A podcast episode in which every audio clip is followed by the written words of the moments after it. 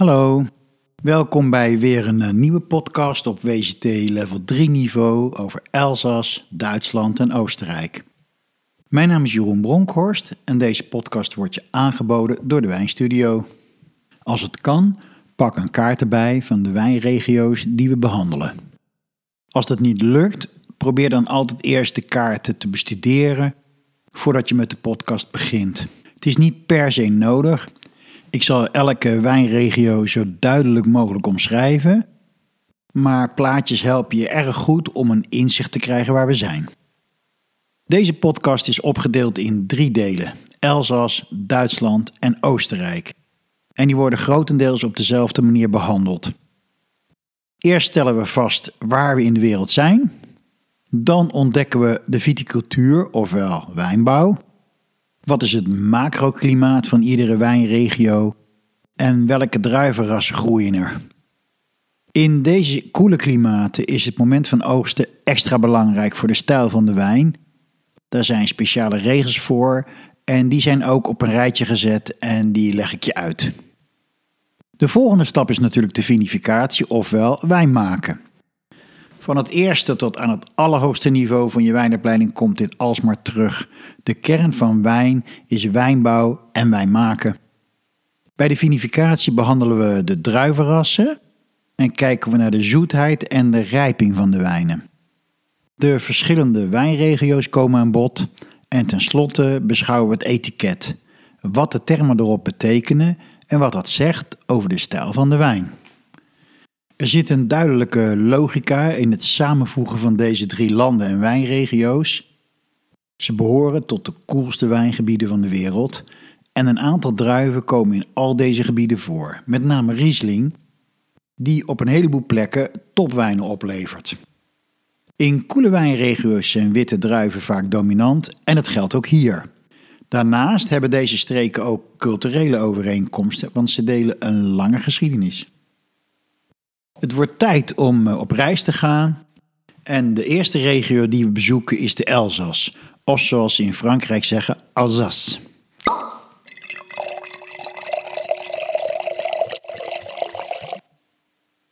Misschien vond je de geschiedenislessen vroeger op school vreselijk oninteressant. Maar zoals je leraar al zei, later komt het van pas. Als je de geschiedenis van de Elzas kent, kun je altijd zonder te twijfelen aanwijzen waar het ligt. De Elzas ligt aan de Rijn, wat tegenwoordig de natuurlijke grens met Duitsland is. Het was soms een Duits gebied en dan weer een Frans gebied. Na de Tweede Wereldoorlog is het Frans gebleven. Het noorden van Frankrijk ligt naast het zuiden van Duitsland op de 48ste breedtegraad. Aan de overkant van de Rijn kom je in de wijnregio Baden. Als je een keer op wijnreis naar de Elzas gaat, wat ik je zeer kan aanbevelen, bezoek dan ook Baden. Je passeert de grens met 130 km per uur en op sommige dagen ben je drie keer van land gewisseld zonder het te merken. Wijnmakers in de Elzas vertelden mij dat ze niets met Parijs te maken willen hebben en wijnmakers in Baden zeiden hetzelfde over Berlijn. Maar die twee buren kunnen het prima met elkaar vinden. De dorpen in de Elzas zien eruit als plaatjes van Anton Pieck met schilderachtige straatjes, heel Duits met vakwerkhuizen en heel veel geraniums. De wijngaarden hebben veel Duitse namen en de producenten ook.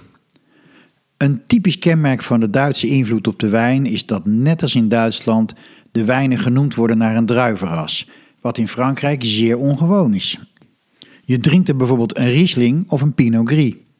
En tenslotte vind je alle Elzas druiven ook in Duitsland terug. De Elzas heeft een bijzonder gunstig klimaat voor uh, druiventeelt dankzij de Vosgezen in het westen. Dat zijn uh, bergen, die noemen ze in uh, Frankrijk ballons. Die kunnen tot 1400 meter hoog zijn. En het is heel gunstig, want die houden de winden tegen die vanuit de oceaan komen en die regen en wolken met zich meenemen. Het gevolg is dat de wolken eigenlijk al opgelost zijn voordat ze over die berg heen zijn. En daardoor is het in de Elzas eigenlijk altijd heel erg zonnig. Dus het grappige is, hoewel het heel noordelijk is, dus behoorlijk koel, is het tegelijkertijd toch heel zonnig. Er is niet te veel bewolking en er valt niet te veel regen. 2000 jaar geleden heeft Julius Caesar met de Romeinen de Elzas veroverd en meteen ingezien dat het een heel geschikt gebied was voor druiventeelt. Dankzij dat zonnige en droge klimaat is er weinig schimmeldruk, zoals dat heet, hè, weinig last van schimmels. En dat maakt het zeer geschikt voor biologische en eh, biologisch dynamische viticultuur. Er is een hele lange oogstperiode doordat er verschillende druivenrassen staan, maar vooral doordat er verschillende stijlen gemaakt worden door de druiven heel vroeg of heel laat te plukken. De gebiedsindeling is eh, heel makkelijk. Je hebt de Haute-Rhin, Rijn staat voor de Rijn, met de hoofdstad Colmar en eh, de Bas-Rhin. Als Nederlander denk je dan al gauw, oh ja, ik snap het. O betekent hoog en bas betekent laag.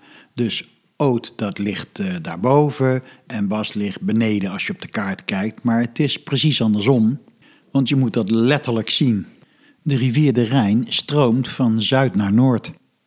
In de Elzas staan een aantal uh, witte druiven en één belangrijke rode druif. De meest geteelde witte druif is natuurlijk de Riesling. Voor veel wijnprofessionals is dat eigenlijk de mooiste druif van de wereld door zijn hoge zuren en complexe, subtiele smaken. Wat Riesling-wijnen ook altijd bijzonder maakt, is dat de druiven heel gevoelig zijn voor de omgeving, voor het klimaat en voor de bodem. Wat we met een mooi Frans woord terroir noemen. Wat er ook veel staat is muscat. Dat geeft hele aromatische wijnen, herkenbaar aan de bloemen, met name rozen en litchis. Het is trouwens ook een heerlijke eetdruif. Wat ik er zelf interessanter vind is dat er ook droge wijnen van gemaakt worden. En onervaren proevers die hebben dat eigenlijk niet door. Als je een onervaren proever een muscatwijn laat proeven, dan zullen ze heel gauw zeggen dat die zoet smaakt of half zoet smaakt, terwijl die eigenlijk droog is. En het komt door die enorme fruitigheid en bloemigheid. Die zet je eigenlijk op een ander spoor. Een druif die daar erg op lijkt is eh, de Gewürztraminer. Alleen is hij nog wat meer uitgesproken en heeft hij nog meer body. En misschien wel de meest interessante druif is de Pinot Gris. Pinot Grigio in Italië is vaak de flauwste en de goedkoopste wijn ter wereld. Het wordt echt gebruikt voor supergoedkope massawijnen. Maar hier in de Elzas geeft hij heel veel karakter en body. En bij rijping heeft hij tonen van honing en rokerigheid. Het geheim daarvan is heel simpel: een koel klimaat en beperking van de opbrengst, dus goed snoeien. En dan is er ook nog Pinot Blanc. Die is wat minder uitgesproken, wat minder aromatisch. Toch vind ik dat het wel een lekkere wijn kan geven. Hij wordt veel gebruikt ook voor mousserende wijnen. En dan is er ook nog Sylvaner. Een wat vergeten druif die je steeds meer aanzien krijgt. De blauwe druif die het hier erg goed doet, dat had je waarschijnlijk wel verwacht, is de Pinot Noir. Die geeft hier een hele lichte en zuivere stijl. Voor de vinificatie in de Elzas, het wijn maken, worden vaak hele grote houten vaten gebruikt. De wijnen die daarin liggen te rijpen geven wijnsteenzuur. Dat zet zich af tegen de wand aan de binnenkant hè, van het vat. Dat wordt niet verwijderd en uh, dat groeit dus eigenlijk en vormt een hele dikke, ondoordringbare laag, waardoor dat vat in feite uh, heel neutraal karakter krijgt, geen enkele smaak afgeeft. De meeste druiven in de Elzas zijn erg aromatisch en uh, daarom wordt er meestal geen malolactische omzetting toegepast, omdat malolactische fermentatie, afgekort als MLF, dat karakter aantast. We mochten een keer op bezoek komen bij Sint Hoenbrecht, een hele beroemde wijnmaker. En we mochten zijn wijnen proeven. Die waren heel mooi, heel schoon en zuiver, zoals dat hoort in de Elzas. Maar ergens vond ik ze ook saai. En pas later drong het tot me door: dit zijn prachtige wijnen, maar ze moeten gewoon rijpen. En dan komt die zuiverheid en die schoonheid helemaal tot z'n recht. Er zijn eh, drie kwaliteitsaanduidingen in de Elzas, AOP's. En de eerste is de AOP Alsace Grand Cru. Dat zijn afgebakende wijngaarden. Daar zijn slechts vier druivenrassen toegestaan en die worden de edele druivenrassen genoemd. Dat zijn Riesling, Muscat, Gewürztraminer en Pinot Gris. Daarnaast is er één Grand Cru appellation, de Zotzenberg, waar Sylvaner verbouwd mag worden. En sinds 2016 zijn er ook Grand Crus waar Pinot Noir is toegestaan. Bovendien heb je hele eigenwijze wijnmakers, hele goede wijnmakers, zoals de beroemde Marcel Dijs, die op de Grand Cru Schönenburg een Grand Cru maakt van een blend van wijnen. Hij doet dat vanuit de filosofie dat niet de druif de Grand Cru maakt, maar de wijngaard. Dan heb je de standaard AOP, de AOP Alsace, en daar zitten onder andere de Pinot Blanc en de Pinot Noir in. En tenslotte heb je de AOP Crémant d'Alsace. Dat zijn de mousserende wijnen die gemaakt zijn volgens de methode traditioneel, oftewel tweede vergisting op fles. Net als in de champagne. Er zijn zeven Crémant wijngebieden in Frankrijk en dit is er één van. Daarnaast zijn er nog uh, aanduidingen die op het etiket staan die iets zeggen over de stijl van de wijn. Vendange tardief betekent een late oogst. Dat zijn vaak uh, licht overrijpe wijnen. Soms is er ook passeriage toegepast. En dat betekent dat de druiven na de oogst gedroogd worden. Een andere aanduiding is Selection de Grain Noble, SGN. En dat wil zeggen dat de druiven botrytis hebben gehad, edele rotting. In Frankrijk pourriture nobele genoemd. Uiteraard heb je dan over zoete wijnen. De meeste wijnen zijn een monocepage, dus van uh, één druif gemaakt. Maar er is ook de edelzwieker. Dat is een blend van druiven en er is niet voorgeschreven welke druiven erin zitten. Dat kan heel lekker zijn, maar het is ook heel commercieel. En het wordt vaak geserveerd in wat ze een traditioneel glas noemen, met een mooie groene of bruine kleur, gegraveerd met bloemen. Maar eerlijk gezegd ken ik geen gebied waar de wijnglazen zo klein zijn. Commercieel gezien lijkt het me een reuze interessant concept. En dan is er nog de Gentil, ook een eh, blend van druiven, maar dan met minimaal 50% Riesling. De meeste Elsass wijnen worden jong gedronken en dat is dan ook de bedoeling. Maar de mooie kwaliteitswijnen kunnen goed rijpen, enkele jaren of misschien wel tien jaar. Behalve Crémant worden alle wijnen verplicht gebotteld in een slanke, lange fles en dat heet de Flûte d'Alsace. Een hele mooie en herkenbare fles. En uit marktonderzoek is er gebleken dat er twee flestypes zijn die het imago van een wijn verhogen. Dat is ofwel een hele brede, dikke of een zware fles, zoals je dat in de Rhône ziet of de Bourgogne, of bij een Italiaanse Primitivo, ook al in de nieuwe wereld, bij eh, Malbec bijvoorbeeld, ofwel een hele lange en smalle fles. En als laatste wil ik je wijzen op de gastronomie. De mix van Duitse en Franse cultuur doet het erg goed en er zijn heel veel Michelin-restaurants in de Elzas. Elsasswijnen zelf zijn perfecte eetwijnen. Ze geven een sommelier zekerheid. Ze hebben altijd body en frisse zuren en een goede balans met zoet. Ze zijn kruidig en ze zijn fruitig. Als je even niet meer weet wat je moet adviseren, kun je meestal wel terugvallen op een Elsasswijn. En hiermee sluiten we het hoofdstuk Elsas af. Het volgende onderwerp is heel groot en heel interessant en dat is Duitsland.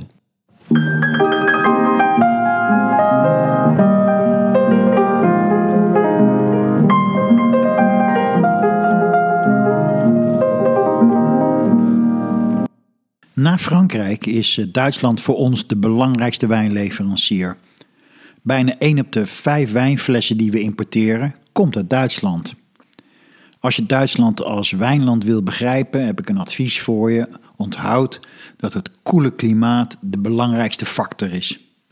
Duitsland ligt rond de 50ste breedtegraad, wat gezien wordt als de natuurlijke grens voor de Vitis vinifera druiven, de Europese druiven. Behalve het zuidelijk deel van Baden wordt heel Duitsland gerekend tot een zeer koel wijnklimaat. Gelukkig is de herfst over het algemeen relatief warm en droog, waardoor de druiven ondanks de koelte toch rijp kunnen worden. Omdat dat rijpen langzaam verloopt, is er een lang groeiseizoen. We kennen de 100 dagen regel, de periode van bloei tot pluk. In Duitsland loopt dat vaak op tot 110 of 120 dagen. En dat is ook een verklaring van de prachtige wijnen die je hier kunt vinden. Want als druiven en trouwens alle fruit langzaam en lang rijpen, ontwikkelen ze veel aroma's. Zo ver van de evenaar heeft een druif elk straaltje zon nodig om rijp te worden. Daarom zijn de beste wijngaarden vaak de stijlste. Daar is de minste schaduw en kan de zon tot alle wijnstokken doordringen. Aan de andere kant brengt het Duitse klimaat ook veel zorgen met zich mee. In de lente is er grote kans op nachtvorst en waardoor de bloemen kapot kunnen vriezen. En in de zomer regent het vaak. Daar kunnen druiven slecht tegen en dan ontstaat er schimmel en rot. Alle Duitse wijnbouwgebieden liggen aan een rivier en het heeft duidelijke voordelen. Die grote massa water is in de winter koud geworden en warmt langzaam op. Dat tempert in de lente de temperatuur van de lucht, het blijft koeler, waardoor de druiven later bloeien. En dat is het antwoord op het gevaar van nachtvorst. Nachtvorst in de lente kan een ramp zijn, want dan bloeien de bloemen kapot. Op het einde van het groeiseizoen is er ook nog een voordeel. Want in de zomer is het water warm geworden. En als in de herfst de eerste kou het land binnendringt, is de omgeving van de rivier warmer en dat verlengt het rijpingsseizoen. Laten we eens kijken naar de druiven. Uiteraard is Riesling de meest aangeplante druif en ook de belangrijkste in kwaliteit.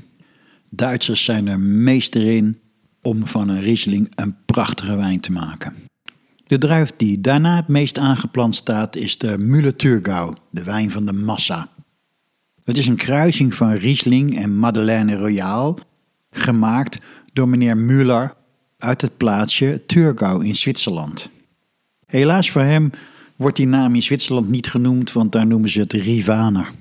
Müller-Thurgau geeft redelijke wijnen, eh, makkelijk drinkbaar, ook in grote hoeveelheden. Het is de wijn voor elke dag. En de derde, meest aangeplante witte druif in Duitsland is de Sylvaner. Dat is de belangrijkste druif van Franken aan de Mainz. Je kunt die wijnen vaak herkennen aan de boksbeutelfles, die platte fles, die overigens ook in een magnum gemaakt wordt. Sylvaner kan heel saai zijn, maar ook heerlijk. En de betere Sylvaners hebben altijd een volle body. Andere bekende witte Duitse druiven in Duitsland zijn de Weissburgunder, oftewel Pinot Blanc, en de Grauburgunder, ofwel Pinot Gris. Grauburgunder wordt regelmatig op hout gelagerd en het komt hem erg ten goede. En dan zijn er natuurlijk ook blauwe druiven en de belangrijkste is de Spätburgunder, ofwel Pinot Noir. De druif van de koudste gebieden ter wereld, die net als Riesling heel gevoelig is voor zijn omgeving, de bodem waar die staat en het klimaat, oftewel het terroir. De tweede rode druif van Duitsland is de Dornvelder, die geeft veel kleur en veel fruit. En dan heb je nog de Schwarzriesling, een ander woord voor Pinot Meunier. Die is heel licht en fruitig, maar wordt eigenlijk weinig geëxporteerd. En dat was een overzicht van de belangrijkste druiven van Duitsland.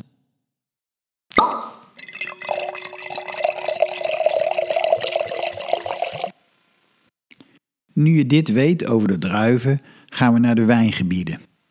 Duitsland heeft 13 ambouwgebieden, de naam voor wijnbouwregio's. Om die te onthouden moet je bedenken dat 11 van die wijnregio's aan de Rijn liggen of aan een zijrivier van de Rijn. En de overige twee aan rivieren in Oost-Duitsland, namelijk Saale-Unstrut, naar de gelijknamige riviertjes, en Sachsen aan de Elbe. Die ambouwgebieden worden zelf weer onderverdeeld, van groot naar klein is dat een bereich. Daarin heb je Grooslaken, dat is eigenlijk een samenvoeging van meerdere wijngaarden. En een Einzellaken of een laken, en dat is een wijngaard. We beginnen in het noorden bij een smalle vallei, een klein wijngebied, en dat is de Aar, een zijrivier van de Rijn. Daar staat voor 80% Pinot Noir.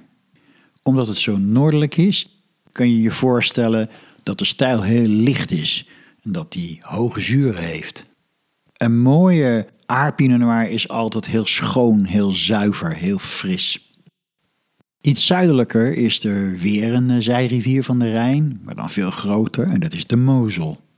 Het bekendste gedeelte daarvan is de Mittelmosel, met de Saar en de Ruhr, twee kleine zijriviertjes daar weer van. Hier vind je de duurste Duitse wijnen van Ekan Müller. Zoek maar eens op wat zijn topwijnen kosten, dat ga je niet geloven. De Mosel is een zeer koel wijngebied en daarom zijn steile hellingen noodzakelijk. De beste wijnen komen van de steile hellingen. Gelukkig is er veel lijsteenbodem en die houden warmte heel goed vast. Lijsteen is oorspronkelijk een kleibodem die samengeperst is. Het is zo glad dat het vaak eh, als dakpannen gebruikt wordt. Maar in de loop van miljoenen jaren is die bodem gekanteld, zijn die lijstenen gebroken en ligt alles eigenlijk heel open. Dat is heel gunstig.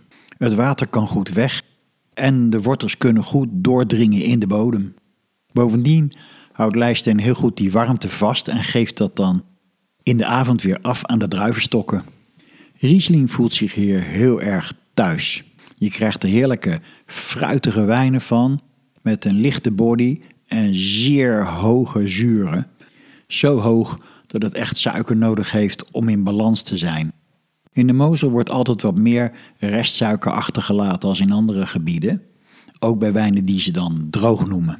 In je mond krijg je daardoor een effect dat het zuur en de suiker uh, om de voorrang vechten. Soms proef je weer het zuur, dan weer de suiker enzovoort. En dat noemen ze in Duitsland spiel. Een volgend klein wijngebied is de Nahe, ook zo'n klein riviertje, rondom de gemeente Schloss-Bückelheim. Nog verder naar het zuiden komen we in de beroemde Rheingau. Dat is het enige gebied waarin de Rijn in Duitsland van oost naar west loopt, omdat hij in zijn reis naar het noorden versperd wordt door een hoog gebergte. Hier vind je de dorpen Rüdesheim en Johannesberg, met misschien wel het beroemdste wijnkasteel van Duitsland, Schloss Johannesberg, waar in de kelder, achter slot en grendel, de oudste fles wijn van Duitsland ligt. In de Rijnkou worden echte mooie klassieke Rieslings gemaakt, met veel body en kracht, die vaak tientallen jaren kunnen rijpen. Weer verder in het zuiden komen we in Rijnhessen, het grootste wijnbouwgebied van Duitsland, met als belangrijkste gemeente Nierstein. Hier worden alle druivenrassen geteeld, maar vooral de Müller-Thurgau. Dit was vroeger een gebied voor massawijnen, maar tegenwoordig vinden daar de meeste vernieuwingen plaats. Veel wijnmakers werken samen en er komen hele spannende wijnen vandaan. Daaronder ligt de Pfalz. Dat is een verrassend warm wijngebied door de beschutting van de bergen overal rondom. Hier groeien zelfs palmen en vijgen. De belangrijkste gemeentes zijn Forst en Deidesheim, in een streek die Mittelhart heet. Hier vind je de meest rijpe Rieslings van Duitsland. Veel oostelijker, aan de rivier de Mainz, kom je bij Franken uit. Hier vind je geen Riesling, maar zeer goede sulfanen, geconcentreerd, iets aards met veel body. Herkenbaar aan de boksbeutel, de platte fles, zoals al verteld. En als laatste, het meest zuidelijke gebied van Duitsland, is Baden, rond de Keizersstoel, een uitgedoofde vulkaan. Men vindt het er te warm voor Riesling, maar er komen prachtige, hele krachtige speetbourgonders vandaan, die ook vaak houtgelagerd zijn en dat goed kunnen hebben. Tot zover de wijngebieden. Laten we eens kijken naar de etiketten. Dat is een verhaal apart. Duitse wijnbouw bestaat voor twee derde uit witte en voor een derde uit blauwe druiven. Sommige druiven kennen we onder een andere naam in Frankrijk. Pinot Blanc heet hier Wijsbourgonder, Pinot Gris wordt Graubourgonder en Pinot Noir is Spätburgunder geworden. De Duitse taal kan in veel landen een probleem zijn, want hoe spreekt een Italiaan of Amerikaan Graubourgunder of Spätburgunder uit? Dat kan dus ook een verkoopprobleem geven. Daarom zie je steeds vaker Pinot Noir in plaats van Spätburgunder op het etiket. Bijzonder aan de Duitse etiketten is ook dat vrijwel alle wijn naar de druif wordt genoemd. In Frankrijk gebeurt dat buiten de Elzas vrijwel nergens. Je drinkt een Sancerre of een Chablis en als je wilt weten welke druif dat is, dan moet je het zelf opzoeken. Als je in Duitsland een Riesling koopt, staat dat luid en duidelijk op het etiket. Andere informatie, zoals het wijngebied, de producent en de kwaliteit, staan er in kleinere letters bij. De kwaliteitsindeling van de wijnen is heel lang bepaald door de rijpheid van de druiven tijdens het plukken. Dat is niet zo gek als je bedenkt dat in dit zeer koele klimaat de druiven moeilijk rijp worden. Hoe later je plukt, hoe hoger het suikergehalte. En de druiven met het hoogste suikergehalte geven wijnen in de hoogste categorie. En dat systeem bestaat nog steeds. En dat vind je op de etiketten terug. De basis kwaliteitswijn heet simpelweg kwaliteitswijn. En dan volgt kwaliteitswijn met predicaat. En de eerste categorie is kabinet. Dat is eigenlijk de lichtste stijl en soms wordt die aangezoet met Suze-reserve. Suze-reserve is onvergiste most die achtergehouden wordt en die later toegevoegd wordt. Met als doel de wijn zoeter te maken. De volgende stap in de kwaliteitswijn met predicaat is speeklezen. Bij iedere stap hoger in dit kwaliteitssysteem is het natuurlijk suikergehalte in de druif hoger. En dat bereik je door steeds later te oogsten. Speeklezen betekent dan ook late oogst. Nog wat later geoogst in meerdere gangen is de auslezen. Hierbij worden alleen de meest rijpe delen van de tros geoogst. Auslezen kan een droge of een zoete stijlwijn zijn. Daarna komt de BA, de berenauslese. Dat zijn druiven die in kleine trosjes geplukt worden. Dus een wijnboer gaat meerdere keren door zijn wijngaard heen om te plukken. En sommige van die druiven zijn al aangetast door botrytis. En dan wordt er nog een kleine hoeveelheid TBA gemaakt, trokkenberen auslezen, een extreem zoete wijn, waarvan elke druif volledig aangetast is door botrytis en ook worden alle druiven stuk voor stuk geplukt. Dan blijft er nog één categorie over, die zit tussen berenauslesen en trokkenberenauslesen in qua zoetheid, en dat is de ijswijn. Maar het bijzondere van de ijswijn is dat het gemaakt is van niet aangetaste druiven. Ze zijn gewoon blijven hangen in de winter en ze zijn bij gemiddeld min 8 graden geplukt. Het mooie van een ijswijn is dat je echt het druivenras kan proeven. En dat kan je niet met al die trokkenberen wijnen, want dan proef je eigenlijk vooral de botrytis in de wijn. Graag wil ik je nog wijzen op de VDP, het Verband Deutscher Predikaatswijngüter. Dat is een groep van wijnproducenten die de allermooiste wijnen van Duitsland maken. Lid word je alleen op uitnodiging. Ze hebben een eigen kwaliteitssysteem gemaakt wat vergelijkbaar is met de Bourgogne. En het is gebaseerd op uitsluitend droge wijnen. En dat voldoet ook aan de verwachtingen van de consument wereldwijd. Er is een eerste geweks en de hoogste kwaliteit is een grosses geweks. En dat zie je op de fles in relief. Dan staat er GG en een druiventrosje. Het is dus geen wettelijk erkend kwaliteitssysteem, maar iedereen is het erover eens dat deze wijnen tot de beste van Duitsland behoren. Alle VDP-wijnen kun je herkennen aan het logo van een adelaar met een klein druiventrosje op zijn borst. Als je op wijnreis naar Duitsland wil en je zoekt goede producenten, dan heb ik wel een tip voor je. Ga naar het internet en klik op www.vdp.de slash en. en staat voor Engels. Als je het Duits moeilijk vindt, dan kun je het ook in het Engels zien. Dat is de website van alle VDP-wijnboeren in elke wijnstreek van Duitsland. Alle producenten staan erop, dus zo kun je heel makkelijk een keus maken. Tot zover Wijnland Duitsland.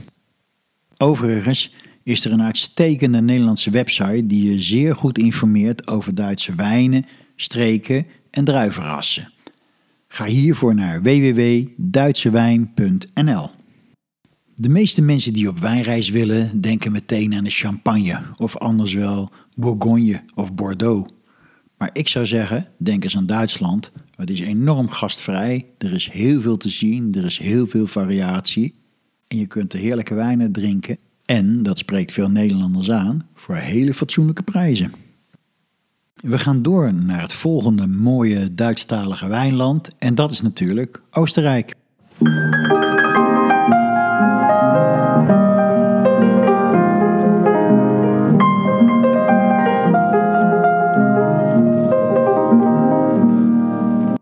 Oostenrijk is een land ten zuiden van Duitsland rond de 48ste breedtegraad. Alle wijngebieden liggen in het oosten en ze profiteren van de warmte die zomers uit de Hongaarse Pusta komt. De rest van Oostenrijk bestaat uit de Alpen. Die zijn erg leuk voor de wintersport of voor zomerwandelingen, maar verder is het daar veel te koud, druiven hebben er niets te zoeken. Er heerst in het Oostenrijkse wijngebied een koel landklimaat wat behoorlijk voorspelbaar is, met uitzonderingen van de soms hele heftige hagelbuien. De benchmarkwijn en de meest geplante druif van Oostenrijk is de Grüne Veltliner. De kwaliteit is op zijn minst aangenaam en makkelijk, maar voor niet al te veel geld kun je ook fantastische premium Grüne Veltliner kopen. Die heeft een uitstekende balans van hoog zuur, een volle body en tonen van citrus en steenvruchten. Zo'n wijn wordt door rijpen nog veel mooier en ontwikkelt dan aroma's van honing en toast. Bovendien is Grüne Veltliner gastronomisch zeer breed inzetbaar. Het is een wijn waar een sommelier bij twijfel altijd op terug kan vallen, net als Elsa's wijnen. De tweede druif in aanplant is de Welsch Riesling. Dat is absoluut geen Riesling, heeft er niks mee te maken. Hij is heel botrytisch gevoelig, dus je kunt er makkelijk zoetere wijnen van maken. Uiteraard staat er ook veel Riesling in Oostenrijk waarvan goede kwaliteit gemaakt wordt. Andere bekende witte druiven zijn Chardonnay, Müller-Thurgau en Sauvignon Blanc. Er staan ook een paar interessante eigen Oostenrijkse blauwe druiven. De eerste is de Zweikot. Die geeft een diepe kleur en een zachte structuur en tonen van bramen. Dan krijg je de Blauw Frankies, die heeft hoog zuur met wat kersen. Ook daarvan worden premium wijnen gemaakt. En tenslotte heb je de Saint-Laurent. Die lijkt op Pinot Noir en zit vaak in een blend. Oostenrijk is ingedeeld in uh, vier wijngebieden: Nieder-Österreich, Burgenland, Steiermark en Wien.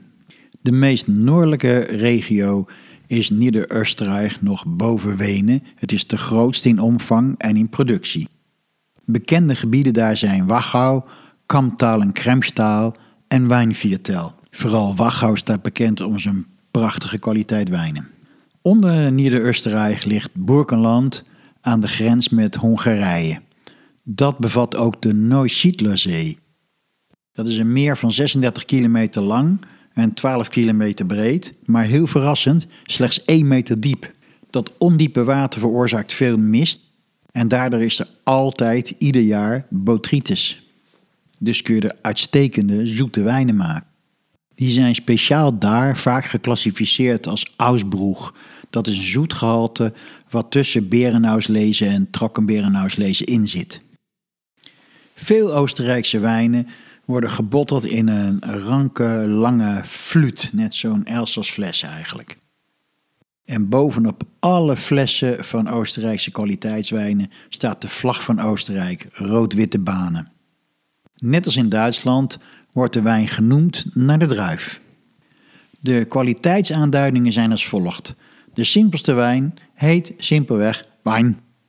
Dan krijg je de IGP-wijnen en die heten daar landwijn. Dan komen de kwaliteitswijnen, de AOP. En hierin heb je de predikaatswijnen, hetzelfde systeem als in Duitsland. Met als extra, zoals gezegd, de Ausbroeg en ook de stroowijn, van wijnen die gemaakt zijn door de druiven te drogen op stro. En dan heeft Oostenrijk nog een heel eigen kwaliteitssysteem.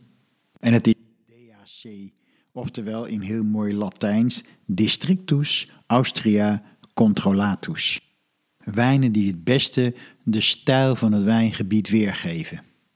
En hiermee eindigt deze aflevering over de Elzas, Duitsland en Oostenrijk, de koele wijngebieden van Europa.